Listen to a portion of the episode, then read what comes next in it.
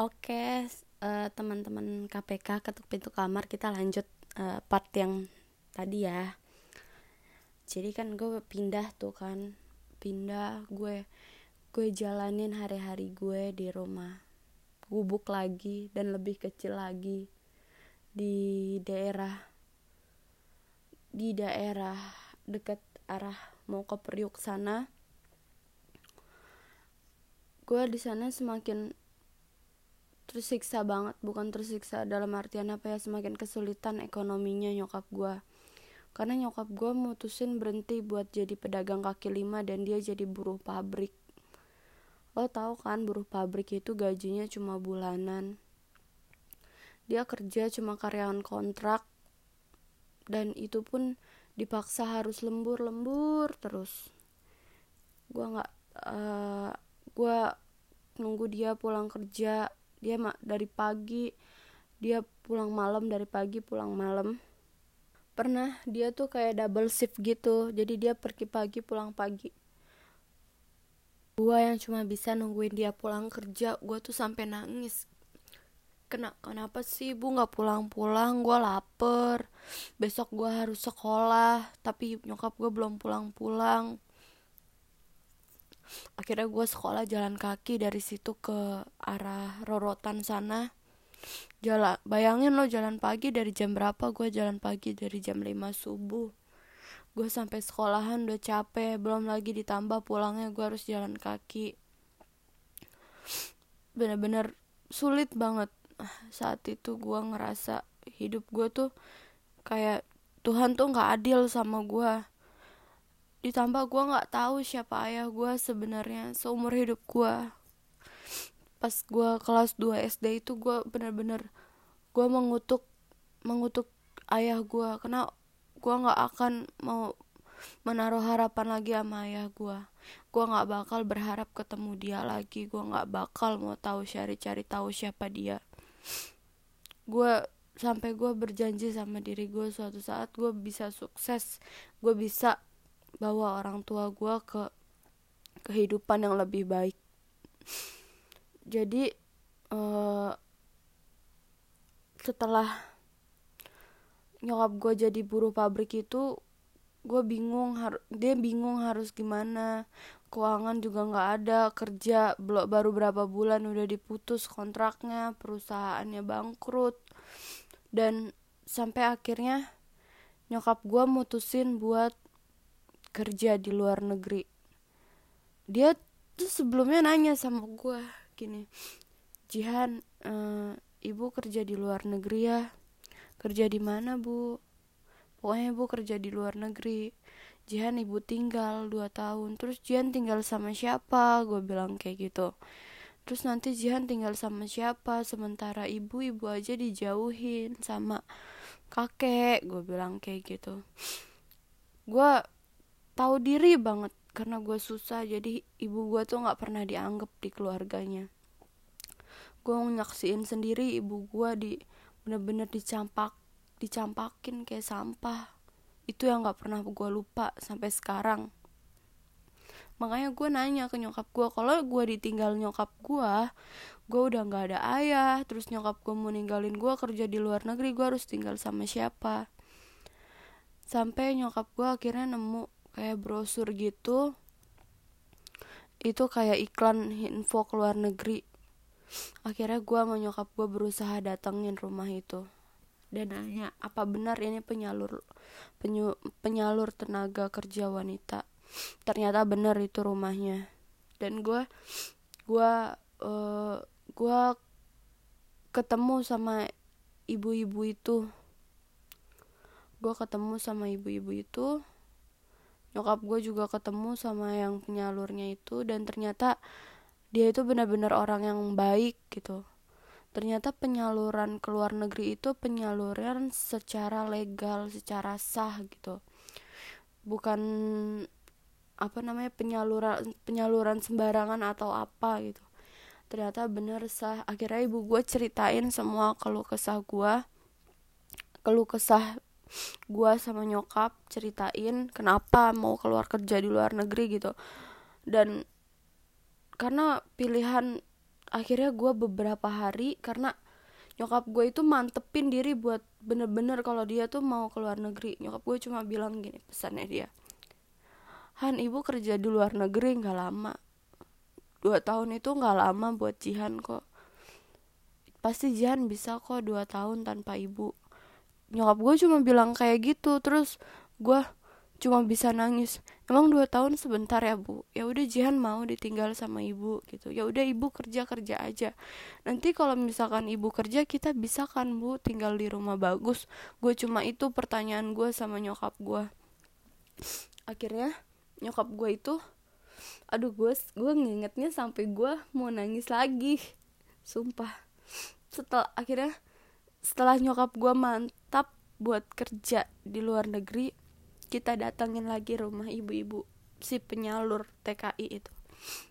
Kita datengin terus ibu-ibu itu bilang ya udah kalau memang udah siap besok kita urus paspor visa segala macam cek medikal. Gue benar-benar ngikut nyokap gue pas dia mau cek medikal bikin paspor apa gue ngikut. Akhirnya uh, karena terlalu jauh bolak-balik dari arah dari Priuk itu ke apa namanya ke tempat yang penyalur ini akhirnya nyokap gue mutusin buat ya udahlah Jihan kita tinggal aja di rumah ibu. Kita sebut aja si ibu itu mawar ya. Kita uh, kita tinggal aja ya di rumah ibu mawar dia bilang kayak gitu oh kenapa kita tinggal di situ? Karena nggak lama lagi ibu bakal pergi ke Malaysia. Terus gue bilang kok cepet banget ya bu? Iya karena semua paspornya semua udah siap Jihan. Tes medikal ibu udah keluar dia bilang kayak gitu. Akhirnya gue beberapa minggu gue tinggal di rumah ibu mawar itu. Dan di situ ada anak uh, ada anak TKI gue inget banget namanya Shirley dia itu tinggal di rumah itu. Jadi dia itu anak TKI yang ditinggal di rumah itu yang diadopsi di rumah itu.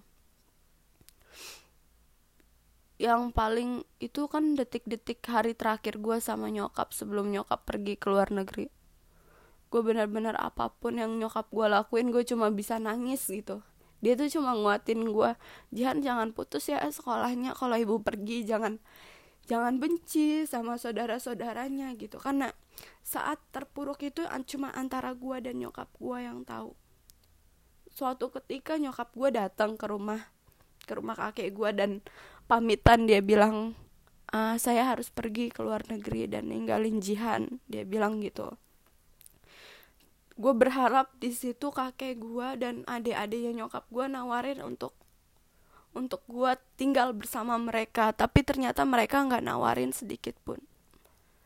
Mereka malah cuma diem kayak seolah-olah cuma angin yang ngomong nyokap gue cuma dicuekin.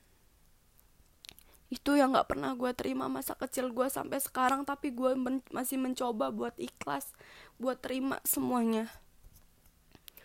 Gue tinggal sampai nyokap gue pun nggak ada nggak ada yang nengokin di rumah si ibu mawar itu. Padahal mereka tahu nyokap gue lagi di penampungan untuk keluar negeri gitu istilahnya. Ibu mawar itu baik banget sama gue gue dibeliin baju apa.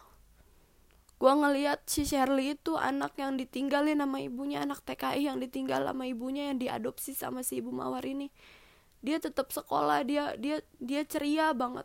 Terus gue ngambil kesimpulan apa nanti kehidupan gue bakal kayak Shirley ya gini main sendiri. Gue gue lihat dia main sendiri. Ternyata bener aja nggak lamaan nyokap gue bilang gini Jihan ibu Mawar itu mau adopsi kamu jadi anaknya. Dia bilang gitu. Kenapa terus pertanyaan gue kenapa Jihan gak tinggal aja sih di rumah kakek? Kan itu lebih baik kan Jihan masih punya kakek. Terus nyokap gue bilang kan kakek nggak nawarin Jihan buat tinggal sama mereka. Masa ibu main nitipin gitu aja sih? Ibu nggak enak dia bilang kayak gitu. Gue mikir oh iya bener juga nyokap gue akhirnya ya udah bu kalau emang yang terbaik gue gue cuma bisa bilang kayak gitu. Ya udah bu kalau emang misalkan yang terbaik Jihan harus diadopsi sama ibu ini sama si ibu mawar ini Jihan mau tinggal di sini terus gue bilang dong ke nyokap gue uh, aduh sorry guys gue gue emang suka sedih kalau inget itu. Gue nanya ke nyokap gue bu apa dua tahun itu lama? Terus nyokap gue cuma kayak nyokap gue tuh matanya tuh berlinang-linang terus tuh dia. Terus tuh dia bilang ke gue Han dua tahun itu cepet kok. Dia bilang kayak gitu kan oh my god gue gak kuat kalau ceritain kayak gitu deh. Sumpah sorry sorry. Dia bilang Han dua tahun itu sebentar dia bilang kayak gitu kan. Kan Jihan aja bisa kok nungguin ibu pulang kerja masa nungguin ibu dari ke Malaysia aja dua tahun gak bisa? Kan Jihan sama ibu Mawar sama Shirley dia bilang kayak gitu. Ibu Mawar mau kasihin hartanya itu setengah buat Jihan kalau Jihan mau diadopsi ibu cuma mau Jihan di sini ditempatin sama orang baik. Dia bilang kayak gitu. Jihan tetap sekolah Jihan gak nakal. Dan gue di situ antara antara gue mau atau nggak mau gue cuma tahu gue mau diadopsi sama orang. Tanpa sedikit pun kakek gue sama adik-adiknya nyokap nawarin buat gue tinggal bareng. Sementara kakak gue kakak gue dia nyaman. Dia nyaman tinggal di rumah kakek gue itu. Dan hari sampai hari terakhir keberangkatan nyokap gue masih nggak ada kabar gue harus tinggal di mana. Yang gue tahu gue memang harus diadopsi. Terus tiba-tiba nyokap terus tiba-tiba kakak gue dateng. Karena kakak gue itu dia udah lulus SD dia harus pindah ke Padang. Dia tinggal sama kakak gue yang nomor dua dia mau SMP di Padang. Dan akhirnya dia dateng dia ngomong gini ibu Jihan jangan diadopsi Jihan tinggal sama kakek aja. Terus di situ nyokap gue nangis gue juga nangis. Kenapa ya baru sekarang? Kenapa baru sekarang nawarinnya? Kasihan Jihan dia udah mau diadopsi orang dia bilang kayak gitu kan. Dia mau diadopsi orang. Terus akhirnya nyokap gue gue juga mikir Bu Jihan tinggal sama kakek aja ya bu. Nggak apa-apa. Gue bilang kayak gitu. Daripada Jihan harus diadopsi sama orang Jihan nggak mau. Jihan pengen tungguin ibu. Gue bilang kayak gitu kan ke ke nyokap gue ya udah Jihan nanti ibu coba ngomong ya sama ibu Mawar. Dia bilang kayak gitu. Akhirnya ya udah tuh singkat singkat cerita gue gue sama si ibu Mawar ini mutusin buat gue tetap tinggal di rumah kakek gue dan dan gue gue nganter waktu itu nganter nyokap gue ke bandara Soekarno Hatta. Waktu itu usia gue masih 8 tahunan kalau nggak salah. Pas 9 tahunan. Gue nganter nyokap gue ke Soekarno Hatta terus gue dia tuh mau uh, mau ini ya mau boarding ya mau apa namanya checking paspor gitulah mau cek gitu keberangkatan dia. Kan gue nggak boleh masuk. Dia pesen dia waktu itu. Han, Han jangan bandel ya dia bilang kayak gitu. Dua. Aduh. Dua tahun tuh sebentar Han dia bilang kayak gitu Jihan tinggal sama kakek baik-baik dia bilang. Dia ngasih bungkusan ke gue nyokap gue dia bilang ini ini ini isinya baju baru semua buat Jihan dia bilang kayak gitu.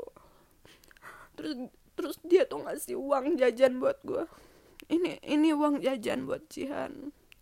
Nanti Jihan habis dari bandara Jihan Jihan Jihan pulang ya ke rumah kakek dia bilang kayak gitu. Ini baju-bajunya udah ibu siapin di dalam sini sama baju sekolah Jihan dia bilang kayak gitu. Lo lo kebayang nggak posisinya di gue gimana? Gue itu masih umur 9 tahun terus gue gue nggak tahu siapa ayah gue terus gue tiba-tiba ditinggal nyokap gue buat keluar negeri. Terus di bandara itu gue bener-bener setiap langkah kakinya dia itu kayak pukulan buat gue gue bener gue sekarang dia gue saat itu cuma mikir dia berani nyerahin hidup matinya dia nggak tahu dia di Malaysia itu harus tinggal sama siapa kerja di mana. Dan gue gue juga mengikhlaskan merelakan dia pergi di sini. Dengan gue diurus sama kakek gue gue gue perhatiin setiap langkah dia masuk. Ternyata saat itu pula kehidupan gue dimulai. Gue pulang sama si ibu mawar ini. Cuma dia cuma nurunin gue di jalan. Gue datang ke rumah kakek gue gue ngomong ke kakek gue gini hm, kayak ibu udah pergi dia bilang kayak gue ngomong kayak gitu sama kakek gue kayak ibu udah pergi. Terus kakek gue cuma jawab dengan biasa aja. Ya udah itu baju bajunya taruh situ aja. Dia bilang cuma kayak gitu. Sementara gue gue yang saat itu ditinggal nggak ada satu orang pun yang nenangin gue gue cuma gue gue gue makin merasa kalau dunia ini tuh nggak adil buat gue semua orang-orang yang gue sayang pergi. Tanpa ada satu orang pun yang berpihak sama gue ya gue cuma bisa baru cerita sampai situ karena gue gue nggak bisa nerus nerusin semua gue nggak bisa nerusin yang sekarang karena gue sedih banget ini. Gue kalau inget itu emang sulit banget buat gue terima kasih yang udah dengerin ya. Sampai ketemu di episode berikutnya bye